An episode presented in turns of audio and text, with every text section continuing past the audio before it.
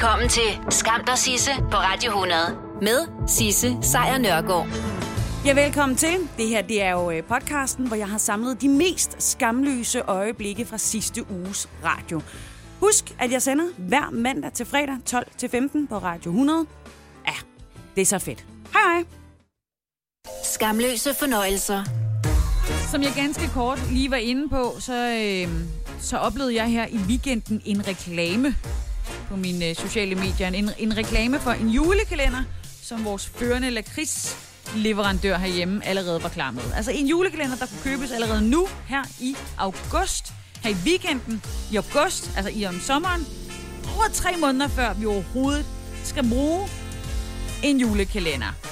Og der vil jeg bare sige, det er ikke et øjeblik for tidligt overhovedet. Fordi vi er nemlig ude i, at julen faktisk er i fare på grund af coronaen. Det, det er i fare. Det er det 2020. Hvad havde du regnet med? Og nej, jeg har ikke gang i øh, kick, altså øh, en kickstart til verdens længste julekalender her, og men det kunne være ret sjovt. Og så tror jeg i øvrigt også, at så vil jeg nok gå i gang med en julekalender den 25. december, og så tælle ned derfra. Men det er sådan en anden ting. Jeg har ikke gang i en lang øh, julekalender her. Jeg har øh, gang i en reel risiko for, at julen, eller i hvert fald julehyggen, som vi kender den i øh, Indre By i København, den er i fare. Fordi selveste julehyggen på strøget er ved at blive strøget simpelthen fra budgettet. Det er interesseorganisationen KB, KBH, K, som hedder Commercial Culture, KCC, som organiserer de butiksdrivende i, øh, i København. De har kigget deres indtægter igennem, og de har kunne se, at øh, det ikke gået så godt i år på grund af krisen. Og det betyder, at der simpelthen ikke er råd til julehygge på blandt andet strøget og på købmarkedet. Det er altså julepynt, som måske ikke kommer op. Julepynt, man har liggende, men der er ikke penge til at få det sat op. Årsagen er, at coronakrisen har sat øh, alle KCC's medlemmer under et voldsomt pres, og det har betydet, at flere butikker har måttet lukke. Altså, strøget er øh, i krise, fuldstændig. Og John Hansen, som er direktør for KCC, han har været ude og ærger sig helt vildt over det her, fordi en ting er, at det bliver en ensom og grå masse, det hele, i øh, december måned på strøget i København. Dels på grund af vejret, øh, vi får ikke hvid jul. Det, kan, det kan vi jo lige så godt. Det kommer jo aldrig til at ske igen. Men også dels fordi, at den her mangel på julepynt, den kommer til at kunne øh, gøre vores liv røvsygt. Det må vi jo bare erkende. Det kommer også derudover til at ramme byens butikker endnu hårdere, fordi øh, hvis der ikke er julepynt, så kommer der ikke turister og hygger. Øh, både fra Danmark og fra andre lande. Fordi det er jo magisk at gå ned igennem strøget købmarkedet, når der er øh, pling-pling, julelys over det hele, ting der glitrer og sådan ting og sager. Men det ser ikke ud som om, at det rent faktisk kan, kan gå, for der er coronakrise, der er tvangsnedlukninger, der er svære genåbninger, det er dramatiske konsekvenser, og derfor så er budgettet for julepynten ikke til stede.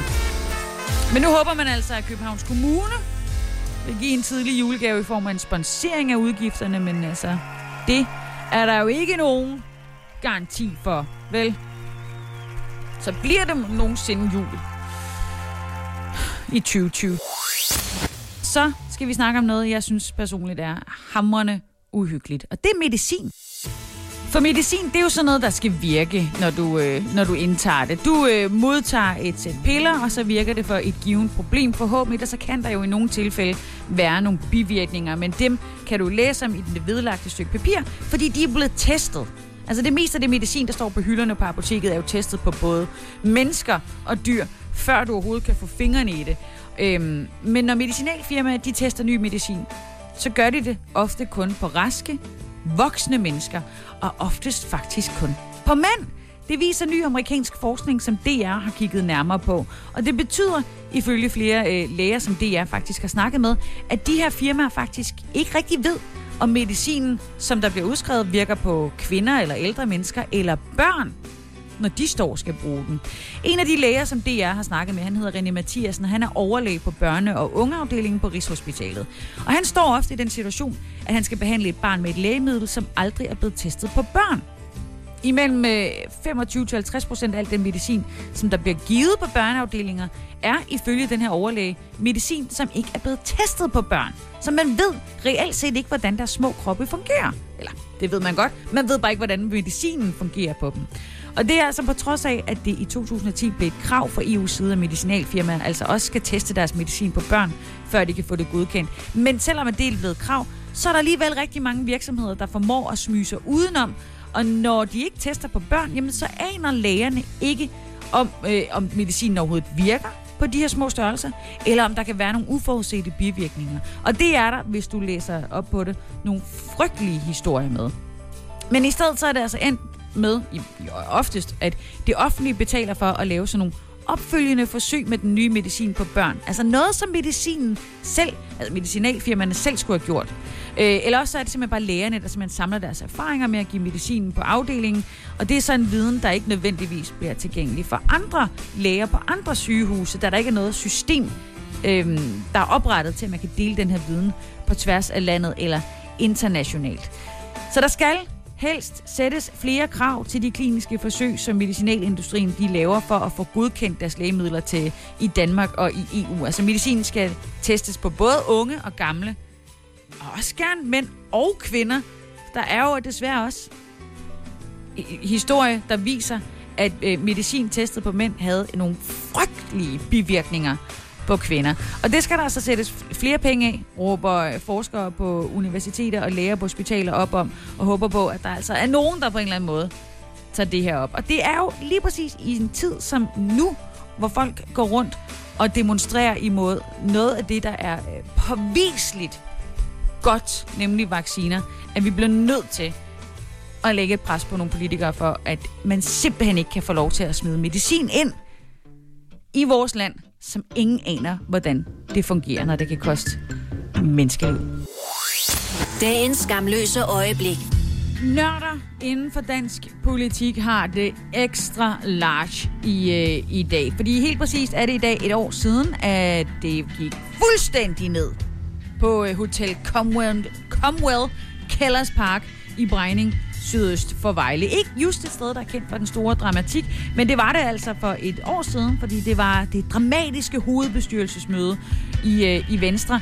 Det, som førte til, at Lars Løkke Rasmussen og Christian Jensen, de forlod partiet som henholdsvis, eller de blev øh, hængende, men de forlod posterne som henholdsvis formand og næstformand for Venstre. Det var med andre ord en sindssyg dag. Og nu er det også dagen, hvor øh, Lars Lykkes øh, længe ventede erindringsbog, den lander. Det er den, der hedder Om de fleste og det meste. Fordi det, det er lige til. En rigtig sladderbog. Nå, og det vi efterhånden er blevet bombarderet med hele weekenden er, at den øh, tidligere venstreformand og statsminister, han altså erklærer sig lodret uenig i den kurs, som øh, partiet har gang i lige nu. Altså den kurs, som hans efterfølger, Jakob Ellemann Jensen, har udstukket for partiet.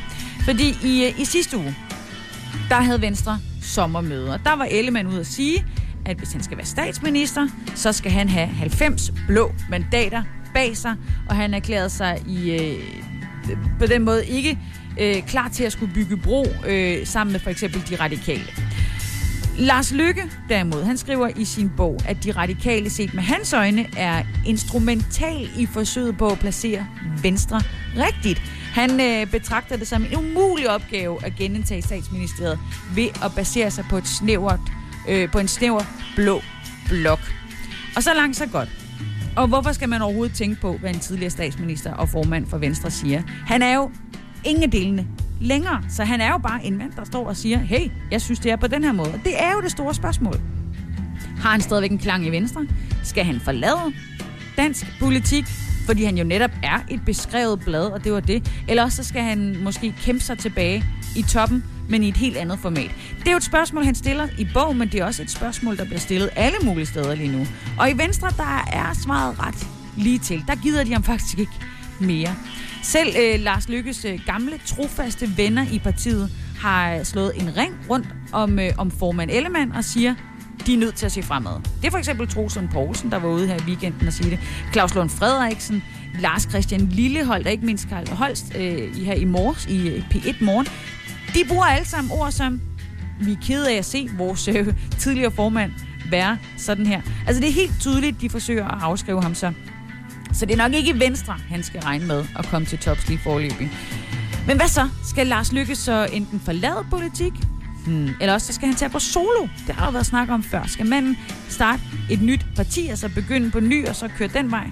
Og øh, det kunne han jo godt. Søren Pind, som jo også har forladt Venstre, deler jo faktisk en del af hans holdninger. Han kunne måske være en meget god fyr at have med på sit hold. Men han har så været ude at sige, at han er venstre mand ind til benet lige meget hvad. Øh, så det kan godt være, at det ikke er den vej, han skal gå. Så kan det jo være, at han skal finde sig nogle helt nye politikere. Og så er der også, og det er jo en af de ting, jeg synes, der var noget af det sjoveste, jeg kunne læse her i weekenden om, øh, om øh, Lars Lykke, det er Svend Åge Slosrich, som er vælgerformand for Venstre i Vandløse og Brøndshøj, som siger, at øh, Lars Lykke bør starte et nyt parti, øhm, og det bør være i færd. Dagens skamløse øjeblik.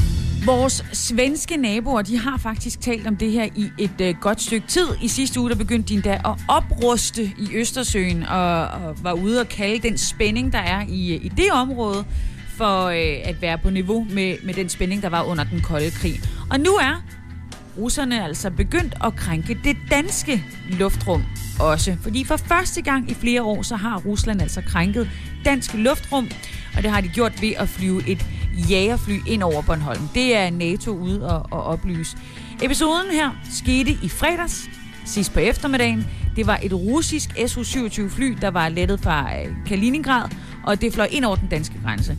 Og den danske forsvarskommando har også været ude at sige, at den er god nok. Det, som NATO er ude at sige, de bekræfter over for DR, at det her det altså var noget, der skete.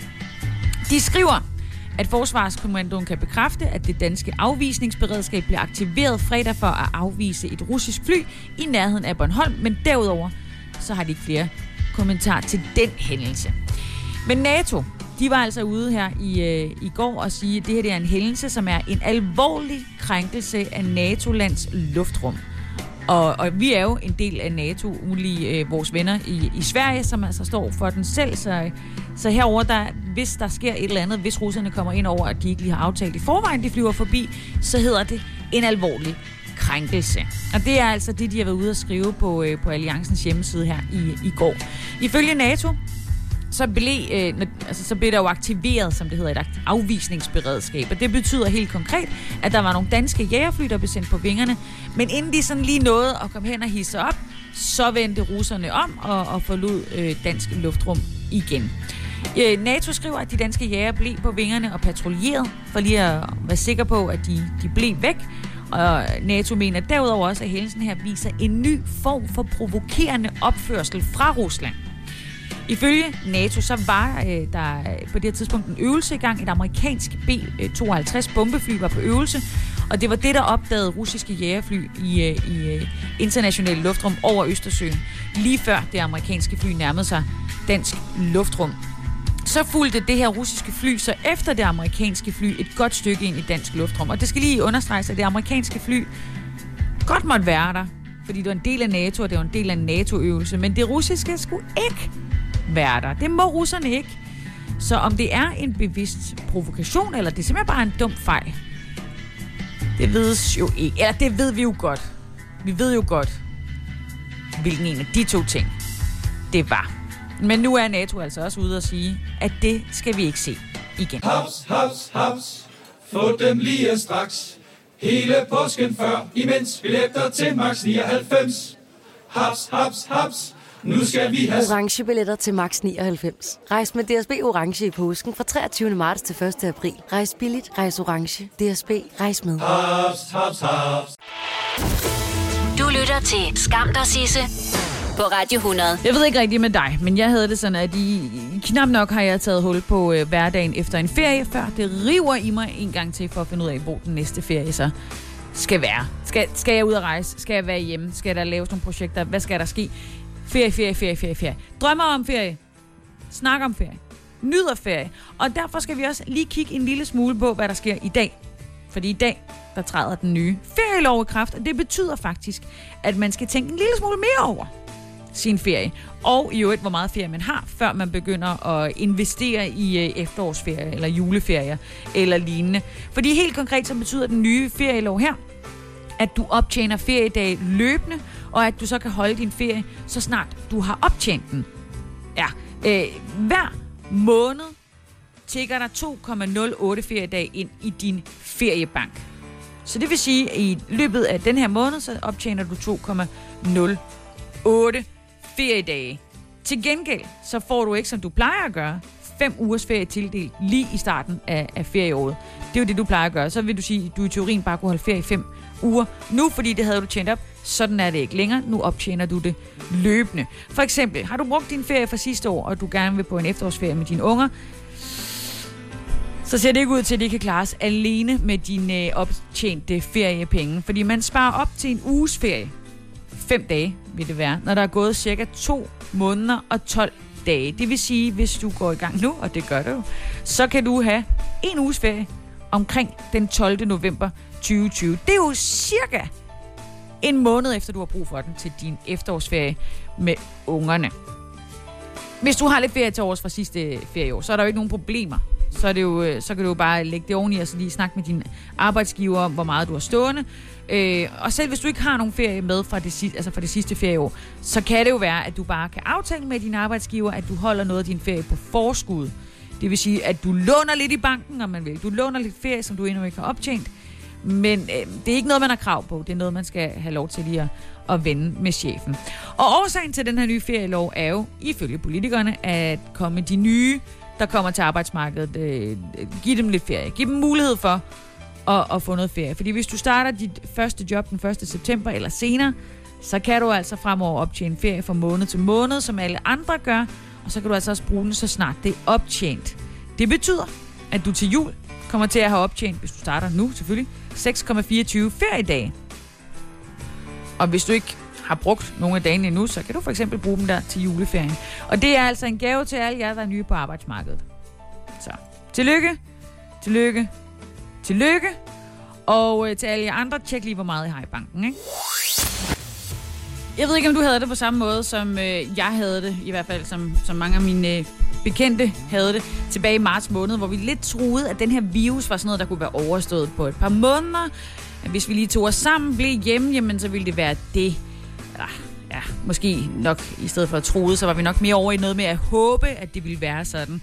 Og efterhånden så kunne vi jo mærke, at øh, sådan vil det ikke være. Vi vil ikke have en normal sommer, og nu ser det ud til, at vi heller ikke får en normal sommer næste år. Og nu mener en dansk professor, at der endda er endnu længere udsigter til, at vi danskere kan vinke farvel til at holde fysisk afstand, at skulle spritte hænder og bruge mundbind og sådan nogle ting. Faktisk så mener han, at vi skal mindst to år ud i fremtiden, før at der er en effektiv behandling mod coronavirusen.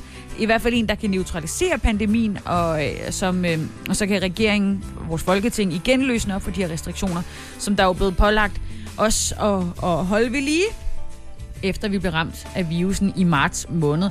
Og selv hvis vi så står med en effektiv vaccine i hænderne om et par år, så vil problemerne ikke forsvinde af den grund.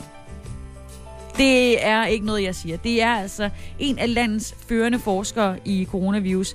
Det er Jens Lundgren. Han er professor på infektionsmedicinsk klinik på Rigshospitalet og Københavns Universitet. Og i et interview med F4 Arbejdsliv, der er han altså ude at sige, at vi i 2022 formentlig kan få vaccineret så mange i befolkningen, at vi kan få løsnet op for restriktionerne. Men det er under forudsætning af, at de vacciner, der afprøves, viser sig at være effektive uden store bivirkninger. Hvilket er godt, men det kommer ikke til at løse problemerne, siger han, fordi øh, de ældre, det er dem, der ligesom skal vaccineres, men måske virker vaccinen bedst på de unge, og så skal de vaccineres for at hjælpe de ældre, og så er vi tilbage ved, om de tør det på grund af bivirkninger, og om de unge overhovedet kan overskue det, fordi det handler om samfundssind, og man skal hjælpe hele samfundet ved at gøre noget, som der ikke nødvendigvis er godt for en selv. Jens Lundgren her, han afviser dog, at der kan blive tale om at anvende tvang for at dele øh, for at, øh, at, at smide den her vaccine i hovedet og kroppen på folk. Sådan er det ikke. Vel, der bliver ikke lavet en tvangsvaccination. Tvang kommer ikke til at ske, siger han. Jeg mener ikke, at man kan tvinge folk politisk eller på andre måder, og hvis nogen foreslog det, vil jeg anfægte. Du løser ikke en pandemi ved at tvinge folk til at blive vaccineret. Du kan kritisere, at folk ikke gør det, og du kan opfordre til, at folk gør det, men man kan ikke tvinge dem. Det siger han altså i det her interview med F4, og Jens Lundgren, han oplyser også, at det altså normalt tager mellem 6 og 8 år at udvikle en vaccine til en virus som øh, covid-19. Og det er så det, de forsøger at gøre på et år. Ja, og nu kommer det øjeblik så, hvor jeg synes, at hvis du har lidt problemer med at svømme under øh, vandet herhjemme i Danmark, øh, fordi du simpelthen er bange for, hvad der lurer under overfladen, så skal du skrue ned nu og i de næste par minutter. Fordi jeg har det ofte sådan, at når jeg er ude at bade herhjemme, og jeg dykker under overfladen, så holder jeg lige et vågent øje med, øh, hvad der sker i det mørke hav omkring mig. Simpelthen for lige se, om der, der er noget, jeg skal holde øje med, om der er noget, jeg skal være bange for. Hvilket jo altid herhjemme har været fuldstændig tåbeligt, fordi det vildeste er i vores farvande er, er brandmænd og, og marsvin. Øh, og nej, ikke de behårede af slagsen. Du bliver simpelthen nødt til at google det, hvis du ikke ved, hvad marsvin er. Men, men øh, fremover, så kan du bare lige regne med, at jeg slet, slet ikke hopper i det danske hav igen. Fordi øh, der er gode ting, der sker derude. Sille og makrelbestanden, den er nu så sund i vores farvand, at øh, det i de sidste par år har lukket øh, den blåfindede tun til landet. Det er en kæmpe tun. Den er stor. Det er ikke så fed at møde, men, men det er stadigvæk lidt nær, at den er her. Men det, plus den stigende havtemperatur, et højt saltindhold i vores vand, masser af sæler, det gør, at vi nu har den cocktail, der kan føre et endnu større og langt mere uhyggeligt stykke dyr til de danske farvand, nemlig hvidhegn. Ja, altså den hvide hej. Det fortæller Lars Skov Olsen, som er kurator og, og te- teknisk chef ved den øh, blå planet i, øh, i København. Han siger, at det eneste, vi med sikkerhed ved, er, at ingen har set den herhjemme endnu. Men det betyder ikke, at den ikke kan være her. For forholdene, de er der. altså, så dejligt. Han understreger, at han ikke mener lige nu, at det er spor sandsynligt, at hvidhajen har slået sig ned i Danmark eller er her. Men det kan lade sig gøre, at en enkelt strejfe fra Middelhavet teoretisk set kan forvilde sig op imod det danske farvand. Fordi netop i Middelhavet, der er der hvidhajer. Store mid, øh, hvidehajer. Det er kæmpe store. På verdensplan, der bliver der gjort rigtig meget for at beskytte hvidhajen, øh, og det gør, at der på sigt også er langt flere af dem. Og sammenholdt med de her attraktive levevilkår, som vi jo ligesom kan lange over disken herop, så kan de altså blive presset til de danske farvande. Fordi de her hvidhajer, de handler ligesom mange andre øh, rovdyr om, at øh, hajerne har sådan noget, øh, de beskytter deres territorium, store hajer dominerer de små hajer, og så kan der ikke være mange i det samme område, for så er der ikke mad nok, og så bliver nogle af de her små, mindre hajer, de bliver presset til at tage afsted, og så ender de hos, ja, hos os, ikke? Så det er jo skide godt. Ifølge Lars Skov Olsen her fra, øh, fra Den Blå Planet i, i København, så når hvidhajen formentlig aldrig helt ned i Østersøen, da den har brug for et meget højt saltindhold for at kunne holde sig flydende, hvilket ikke er tilfældet i Østersøen. Fordi så ville den bare, den kunne måske svømme derhen, og så ville den falde til bunds, og det er vi jo ikke. Det er vi jo ikke orke. Så, det er jo en direkte opfordring til, at jeg fremover kun udelukkende kommer til at bade i og omkring Bornholm. Skamløse fornøjelser. Heldigvis så lever vi i et land, hvor der findes rigtig mange hotlines, som man kan ringe til, hvis man står i en given situation og har brug for andres input, andres råd, andres ører. For eksempel så kan børn ringe til børnetelefonen. Folk, der er bange for at, at, at lide af corona, kan, kan, kan ringe til corona-hotlinen.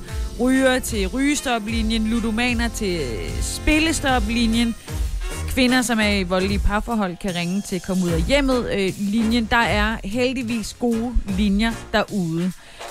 Men hvad gør man så? Som et par? Når der måske lige er gået lidt for meget hverdag i den? Når øh, spændende sex er erstattet af ufattelige mængder øh, ja, sengetøj, der skal vaskes? Eller øh, aftensmad, der skal aftales? Små irritationer? Hvad gør man så? Hvad gør man?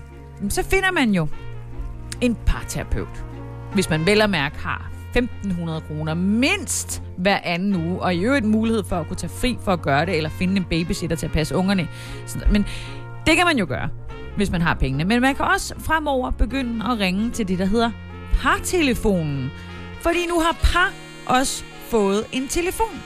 Det er Center for Familieudvikling, som i næste uge åbner det, de kalder partelefonen. Der kommer 25 frivillige psykologer, terapeuter og andre fagfolk til at sidde klar til at, at hjælpe par, der ringer ind anonymt. Hallo? Det er da en god idé, fordi næsten hver andet ægteskab ender med en skilsmisse. Og måske det kunne afværges, hvis man nu kunne sidde i ro og mag derhjemme, helt anonymt, og så give et kald til nogen, som rent faktisk forstår, hvad det er, man gennemgår. Håbet på den her hotline er i hvert fald, ifølge Center for Familieudvikling, at folk de bliver mindre bange for at tale om det allermest intime, og, og, og måske tager lidt hånd om problemerne tidligere, end man gør, når man er i den situation, hvor man står med kufferten i den ene hånd. Fordi for et velfungerende parforhold, at der er det fuldstændig essentielt, at man har det godt sammen, og at man kan tale sammen. Det mener de i hvert fald for Center for Familieudvikling. Og nogle gange så kan det altså være lidt svært at tale sammen om nogle emner, og der er det derfor, at de siger, ring ind til parforholdstelefonen. Også hvis man bare som almindelig klassisk person gerne vil have det godt. Noget af det, der har den allerstørste betydning for vores trivsel, det er parforholdet. Altså alt kredser ligesom om, at der er ro på hjemmefronten. Især når der også er børn. Så det er jo en forrygende idé. Du kan ikke ringe nu, desværre. Du kan måske begynde at ringe i næste uge, fordi der er til at starte med åben for næste uge tre eftermiddage om ugen. På sigt er planen dog, at den skal kunne holde åben endnu flere dage. Det handler jo også om øh, penge, det handler om så mange ting. Men i, øh, i flere kommuner er der faktisk allerede gratis, og i nogle tilfælde anonym tilbud om parrådgivning, så der kan du, hvis du er desperat, gå ind og tjekke det ud allerede.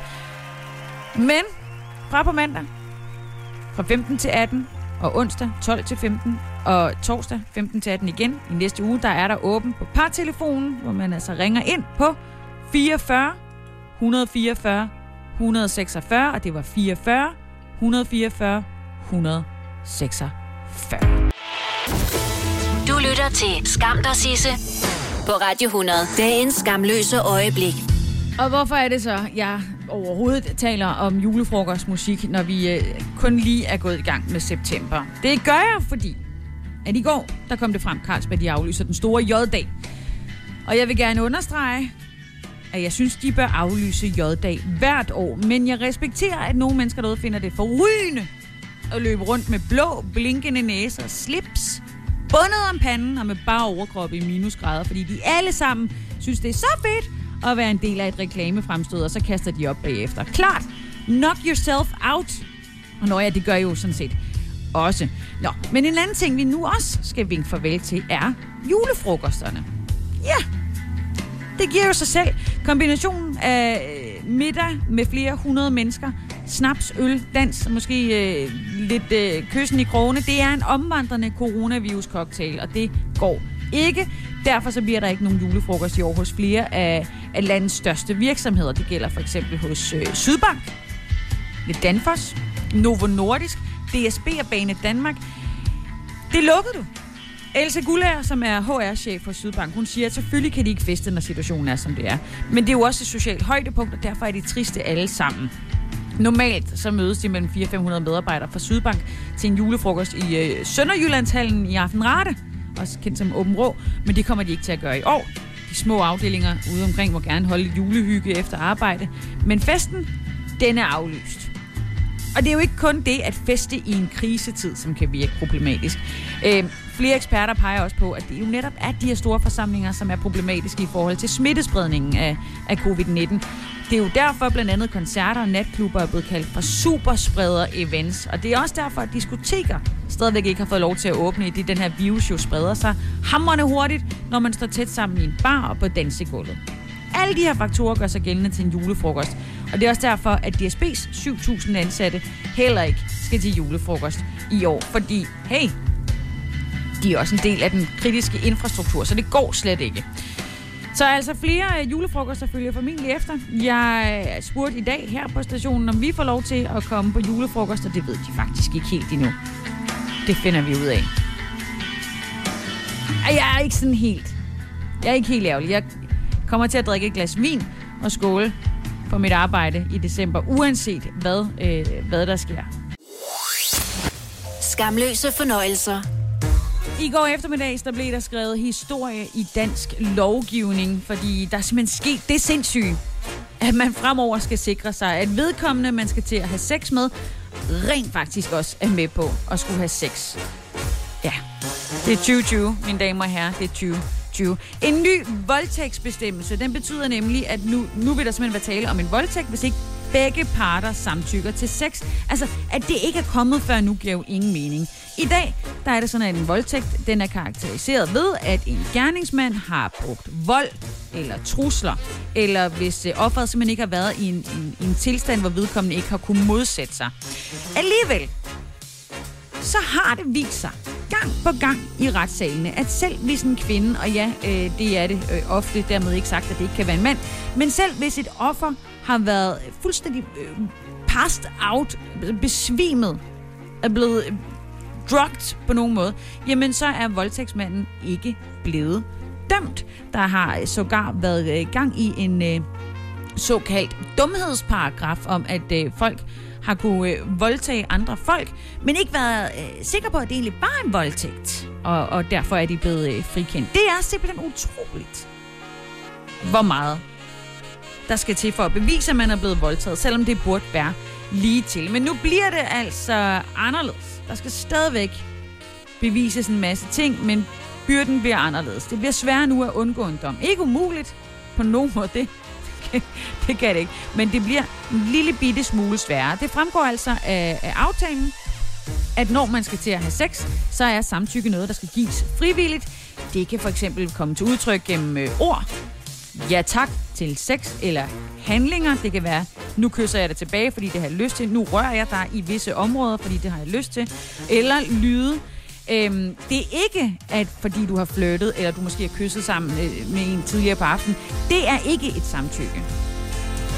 Altså, og man kan også kysse lige op til, at man har lyst til at have samleje, og så hvis der bliver sagt nej, eller det har jeg ikke lyst til alligevel, så er det heller ikke et samtykke. Bare fordi der lige er blevet kysset. Og, og det er altså det her, der er et stort skridt for ligestilling herhjemme. herhjemme. Det ændrer mange ting, en anden måde at, at anskue den her situation på. I Sverige, der har det faktisk også rykket enormt på et øh, par år. Siden deres version at den her lov trådte i kraft for et år siden, der er antallet af domsfældelser for, for voldtægt steget med 75 procent. Året før den her lov, så blev der afsagt 190 voldtægtsdomme. To år efter, der steg det antal altså til 333 domme for voldtægt. Det er stadigvæk ingenting i forhold til, hvor mange overgreb der sker. Det kriminalpræventive råd mener, at der i gennemsnit er 6.700 kvinder, som årligt bliver udsat for voldtægt eller voldtægtsforsøg. Det er rigtig mange. I 2019 der faldt der 317 domme for voldtægt, hvoraf 108 af dem vedrørte børn under 12 år. Får du dig en, øh, en god uddannelse, og måske et godt job, og en, øh, en god øh, social position i livet, jamen så sikrer du dig ikke bare en villa, eller en Vorse, eller en Venedig-tur. Du får faktisk også sikret dig et længere liv og en bedre behandling. Det er i hvert fald, øh, hvad en ny rapport viser. Den viser nemlig, at uligheden i vores samfund gennemsyrer øh, ikke bare samfundet, men også det danske sundhedsvæsen, og det gør det bare vugge til grav. De veluddannede, de får det stadigvæk bedre, de lever stadigvæk længere. De lavt uddannede med lav løn, jamen de forbliver syge, de øh, bliver sygere, de dør tidligere, og de får også dårligere hjælp undervejs i sundhedsvæsenet. Og det værste er, at når de sætter børn i verden, jamen så fortsætter det af samme spor for de her børn. Altså i det øjeblik, de lander i verden, så er de på den dårlige vej. Det hele, det finder du altså som sagt i en ny stor rapport, som Statens Institut for Folkesundhed har øh, udarbejdet. Det er en rapport, som øh, kom ud her i dag. Ifølge den her rapport, så halter Danmark bagud, og det, det er altså i Vesteuropa. Der er ikke nogen tegn på lige nu, at det bliver bedre, og derfor er det en, en enorm vigtig ting at få fokus på. Det har vores sundhedsminister Magnus Heunicke selvfølgelig også. Han har læst den, og han kalder rapporten for alarmerende. Han siger, at selvom vi har fælles adgang til sundhed, som et fundament i vores sundhedsvæsen, alle har ret til at komme til en læge, så kan vi se øh, herhjemme, at der er en uforklarlig og helt urimelig ulighed i, øh, i sundhed. Og det er altså en, en øh, ulighed, som slår revner ind igennem samfundsmodellen, som vi kender den herhjemme. Faktisk er det så vildt, selv her i 2020, at, og nu citerer jeg sundhedsministeren, at før man har truffet et eneste valg i livet, så kan eksperter sige, hvad spædbørns chancer er for et sundt og godt liv, helt afhængig af, hvor de fødes og hvad deres forældres baggrund er. Det vil sige, du kan se på dine forældre, hvor gammel du har tænkt dig at blive. Efter at have gennemgået den her øh, rapport, så mener sundhedsministeren altså, at der blandt andet skal sættes ind så tidligt som muligt hos udsatte familier med nyfødte børn. Faktisk så tidligt, at sundhedsplejerskerne og deres ordning skal reformeres. De kommer til at skulle have et langt større fokus på de familier, fordi de ved, at gør man ikke noget, jamen så får de her børn senere i livet flere sygdomme, flere problemer med, med andre og, og, og ender med at dø tidligt. Magnus Heunicke, vores sundhedsminister, peger også på, at der er mange sundhedskampagner, og, og de går formentlig hen over hovedet på dem, som de ellers var stilet mod. Det vil sige, at du kan godt advare lavt uddannede mennesker om, at de skal, de skal holde sig for rygning. Det, det, hold jer for rygning. Men det hjælper altså kun, hvis man som minister, som regering, øh, tager de her svære beslutninger, det er, om at, at begrænse adgangen til for eksempel cigaretter og sætte højere priser på. I dag der er der et forslag på, at cigaretterne kommer til at koste 100 kroner pakken, fordi så gør det ondt i en periode, men så stopper folk med at ryge, tænker man. Her tænker jeg måske, at måske skulle man prøve at fokusere lidt på at hjælpe forældrene, inden de overhovedet bliver forældre, men jeg er selvfølgelig ikke sundhedsekspert. Skamløse fornøjelser. Ja, så så man lige Danmark levere den dyreste fodboldspiller i historien. Altså den dyreste kvindelige fodboldspiller i fodboldhistorien. Øh, that is lige en vigtig detalje, men stadigvæk en goddamn flot præstation. I det hele taget, det er selvfølgelig Pernille Harder, jeg taler om. Hun skal nemlig fremover øh, simpelthen øh, over og spille øh, fodbold i den bedste engelske fodboldrække. Igen for kvinder. Øh, for efter tre og et halvt år i øh, den tyske klub Wolfsburg, jamen så skifter hun altså øh, simpelthen til engelske Chelsea, hvor hun lige har skrevet under på en treårig kontrakt. Hun er jo stadigvæk også vores landhold, landsholds anfører, det skal vi ikke glemme. Så. Woohoo! Og det er altså den kontrakt, som hun har skrevet under på med Chelsea, der gør, at hun nu er den dyreste kvindelige fodboldspiller i historien. Der er jo nogen, der har været der før hende. Det var den øh, malawiske Tabitha Chawinga, tror jeg, hun hedder. Øhm, hun skiftede fra en øh, svensk klub til en kinesisk klub, og der fik hun vist 1,5 millioner svenske kroner, hvilket jo er øh, lige, over, lige over 1 million kroner. Øhm, ja. Men ikke desto mindre, ifølge DR Sportens oplysninger, så overgår Chelsea altså det her beløb, og det gør de altså med købet af Pernille Harder. De forsvarende engelske mestre køber nemlig øh, Pernille fri af hendes kontrakt, som ellers udløber næste sommer, og i flere, ifølge flere tyske medier, jamen, så har de tænkt sig at betale 330.000 euro, hvilket svarer til 2,6 millioner kroner for at have en af verdens bedste spillere i truppen fra, fra, fra den næste sæson. Og hvad er 2,6 millioner kroner? Jamen altså, det er vel en, en dagsløn for en, en mandlig fodboldspiller i nogle af de store hold efterhånden. Men altså, det rykker stadigvæk derude. Kutumen er ellers, at størstedelen af kvindelige fodboldspillere, de er sådan nogle, der skifter øh, Øh, klub efter deres kontrakt er udløbet. Og derfor så er det altså også ret vildt, at Harder simpelthen er blevet købt fri allerede nu. Og så til en pris, som der giver genlyd i, i den del af verden. Så der vil jeg bare gerne have lov til at sige kæmpe stort tillykke til Benil for at være så kæmpe sej, men også et øh, kæmpe stort tillykke til kvindefodbolden af, at man for en gang skyld kunne få nogle bedre overskrifter end, øh, end ingen overskrifter. Fordi der bliver aldrig snakket særlig meget om dem. Det er lidt ærgerligt. Men det kan være, at det ændrer sig nu, fordi Pernille Harder simpelthen har skrevet historien. Haps, haps, haps. Få dem lige straks. Hele påsken før, imens billetter til max 99. Haps, haps, haps. Nu skal vi have... Orange billetter til max 99. Rejs med DSB Orange i påsken fra 23. marts til 1. april. Rejs billigt, rejs orange. DSB, rejs med. Haps, haps, haps. Du lytter til Skam dig, Sisse, på Radio 100. Vi skal tilbage til april måned.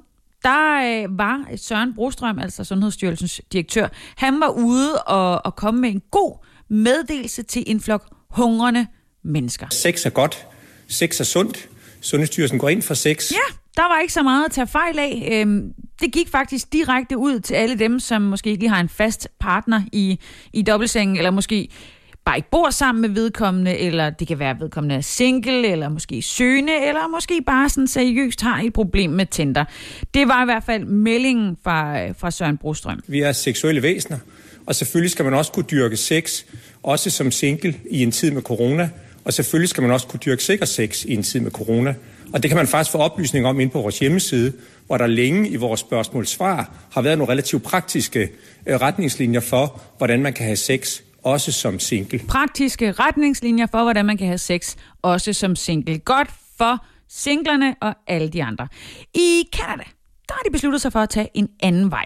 Kanadas sundhedschef er nemlig ude og opfordrer til, at man begrænser kys under sex. Altså, hvis du vil have den sikreste sex under coronakrisen, så involverer den faktisk kun dig selv. Det lyder Det er i hvert fald sådan, det lyder fra sundhedschefen. Øh, der opfordres øh, par, som ikke bor sammen, altså i Canada, til at overveje, om de skal til at bære mundbind og begrænse kys under sex, for at forhindre spredning af coronavirus. Det er i hvert fald øh, Theresa Tam, som er læge og folkesundhedschef, der er ude at sige det her. Hun siger også, Sex kan være kompliceret i coronatiden, især for dem, der ikke bor sammen med en partner, eller hvis partner er i risikozonen. Og så tilføjer hun, at hvis man vil have sex med lav risiko, så er det altså kun for dig selv og, og dig alene. Men dem, der så har sex med en partner uden for husstanden, eller med en partner, som er i risikogruppen, kan tage en række forbehold, hedder det i den her erklæring. Man kan jo for eksempel springe kys over, og undgå ansigt-til-ansigt kontakt eller nærhed, og man kan overveje at bruge en maske, der dækker næse og mund. Og der vil jeg bare sige, øh, så skal man virkelig, virkelig være sikker på, at der er et samtykke, inden man kaster sig over øh, sex uden øh, kys, og man har maske på. Det, der, der skal simpelthen være indgået en mundtlig øh, helt skriftlig faktisk aftale.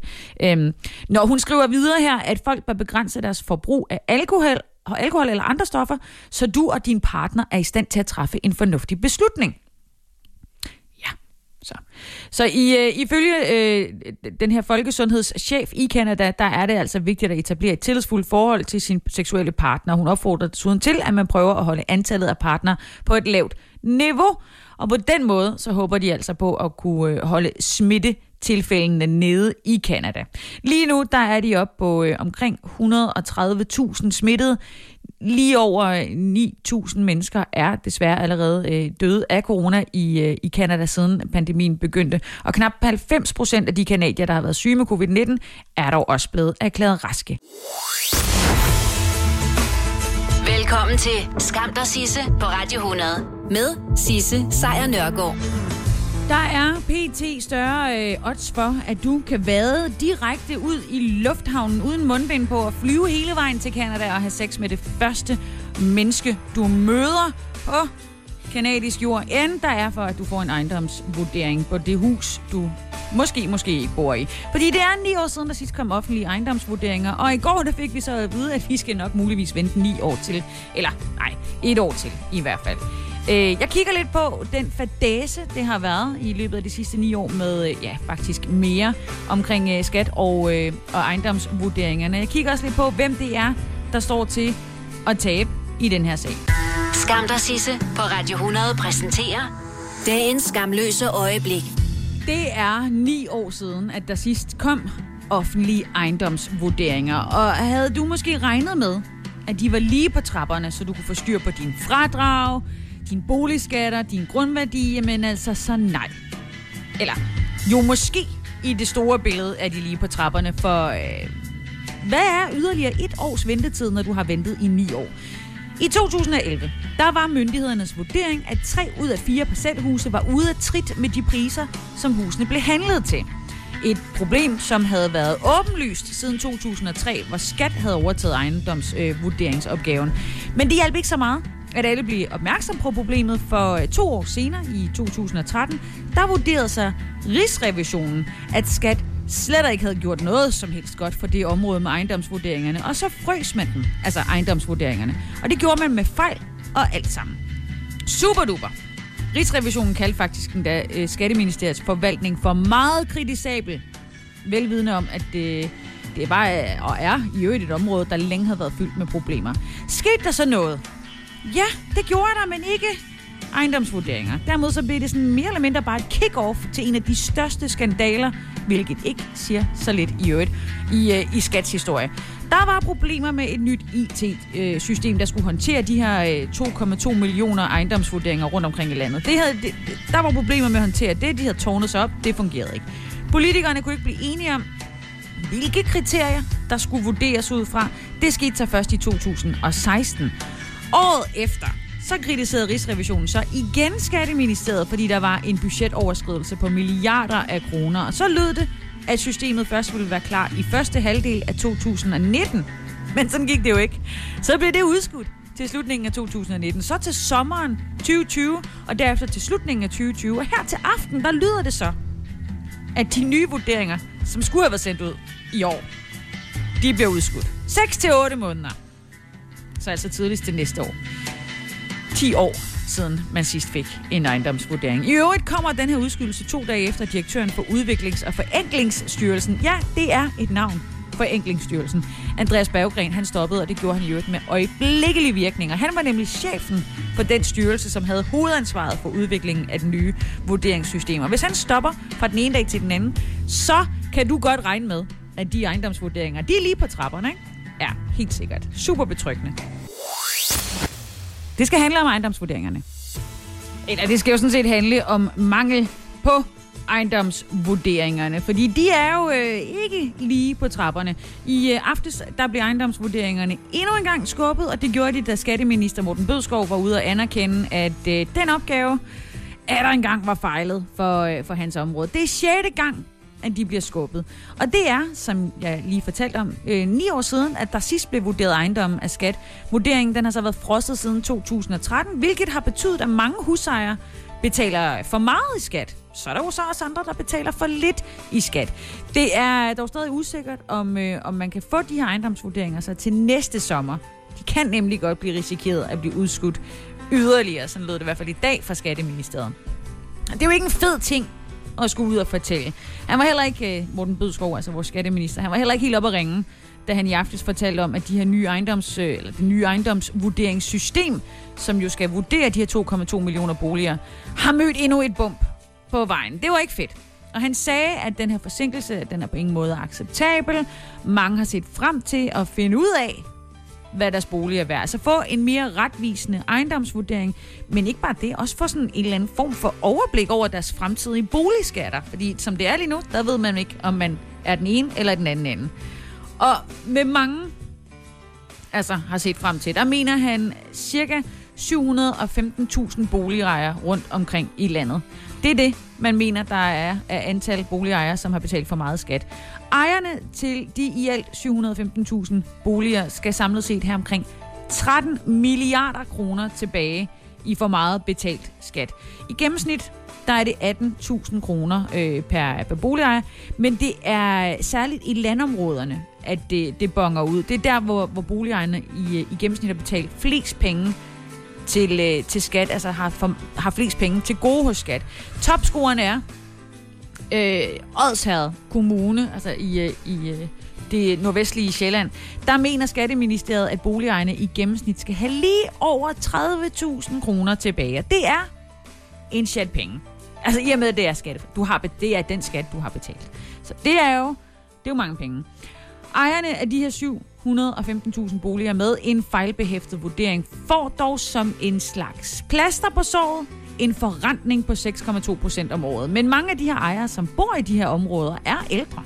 Nogle vil man måske endda kalde gamle. Og, og jo længere man skubber de her vurderinger, jo større er risikoen for, at de simpelthen ikke kan få deres penge tilbage fra staten, fordi de har forladt matriklen for godt. De er døde. Altså, ja. Så derudover, øh, at øh, de ikke øh, formentlig kan få deres penge, så er der jo også nogle andre ting, de her manglende ejendomsvurderinger simpelthen har en direkte indflydelse på. Og det er øh, en større boligskattereform. Og det er jo en reform, der skulle være trådt i kraft til næste år. Nu kan jeg allerede godt høre, at det kommer nok ikke til at ske, fordi på grund af de her massive problemer med ejendomsvurderingerne, så er det også blevet udskudt nu til 2024.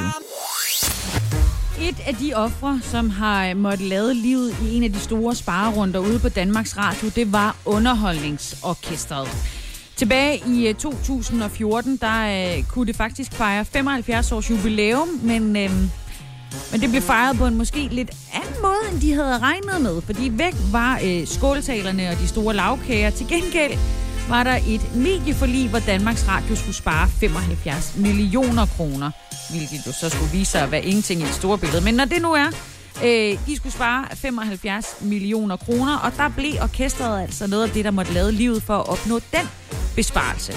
Det var der selvfølgelig stor debat om. Der var stor utilfredshed. Et flertal i Folketinget forsøgte at få den daværende kulturminister Marianne Hjelved til at redde orkestret, men hun nægtede at holde sig væk fra sit armslængde princip, og i december, der røg det altså, der, der blev det slagtet. Man kan ikke både slagte DR og så forsøge at redde livet øh, på, på en og, og, og samme gang. At det, det går ikke. Øh, og trods støttekoncerter og trylen og alt muligt andet, jamen så, så blev orkestret splittet op af den her sparkniv. Altså flået op over det hele. Og ja, jeg maler det lidt dramatisk. Det kan jeg godt se. Fordi efter en en hver uhyggelig historie, så skal der jo selvfølgelig være en smule katarsis. Det er en hver fortællers bedste våben. Og katarsis, det er der i den grad her, seks år efter, at øh, DR's underholdningsorkester blev øh, ja, slagtet med blod, flot, fossende ud over det hele. Fordi med lidt crowdfunding, noget støtte fra fonde og erhvervslivet, der lykkedes det faktisk at genskabe et klassisk orkester ud af resterne fra DR. Og i februar 2015, der kunne de invitere til deres første koncert. Den spillede de i konservatoriets koncertsal på Frederiksberg. Der var ikke nogen, der fik løn. Alle billetindtægter gik ubeskåret til projektet her. Og projektet hedder Danmarks Underholdningsorkester, som jo opstod på ruinerne af DR's Underholdningsorkester. Og ikke nok med, at det er op at spille nu. De har også vundet en af de mest prestigefyldte priser overhovedet inden for klassisk musik. Fordi ved det her års Opus Klassisk, der bliver Danmarks Underholdningsorkester, som det hedder nu, hædret for årets symfoni- øh, symfoniske udgivelse for orkestrets indspilninger af, af Beethovens symfonier. Det er altså en pris, der ifølge direktør for orkestret, øh, Andreas Witte, er en af de største europæiske priser overhovedet. Plus den jo så lige øh, tilslutter sig en række andre prominente priser, som orkestret så også har modtaget i år. Men altså, hør nu her. Ikke et øje er tørt. Stort tillykke til Danmarks underholdningsorkester og deres øh, kæmpe ildhu. Det er jo nærmest som om, der er nogen, der bør skrive en, en opera om det her. Skam dig, Sisse, på Radio 100. Med Sisse Sejr Nørgaard.